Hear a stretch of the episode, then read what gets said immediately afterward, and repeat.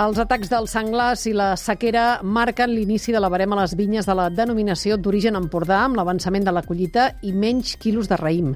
Segons dades de la DO, aquest any es colliran uns 8 milions de quilos de raïm de les diverses varietats. Això és una mica menys que la mitjana anual a la zona. Eh, Girona, Albert Requena, bon dia. Bon dia. La falta de pluges a l'Empordà ha fet que el raïm sigui més petit del que s'esperava i, per tant, hi haurà menys quilos, mentre que l'augment de la població de senglars, sobretot a la zona de l'Albera, ha obligat a avançar una setmana la barema amb moltes vinyes. Ho ha explicat aquest matí el president del Comitè Tècnic de la Denominació d'Origen Empordà, Toni Roig. El nostre càlcul en aquest moment és que ens n'anem al voltant de la mitjana de la DO. Més aviat amb possibilitat de tendència a la baixa. Dependrà molt també de, de la pluviometria que tinguem al transcurs del setembre. La mitjana està al voltant d'uns 8.400.000 quilos.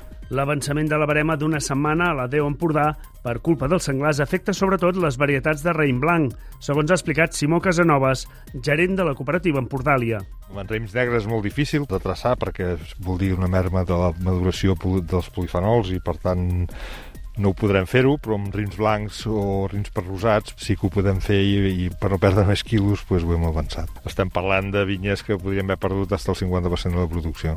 A aquesta plaga s'hi afegeix ara l'augment de la presència del cabirol, que consideren que en el futur pot ser tan o més greu que la dels senglars.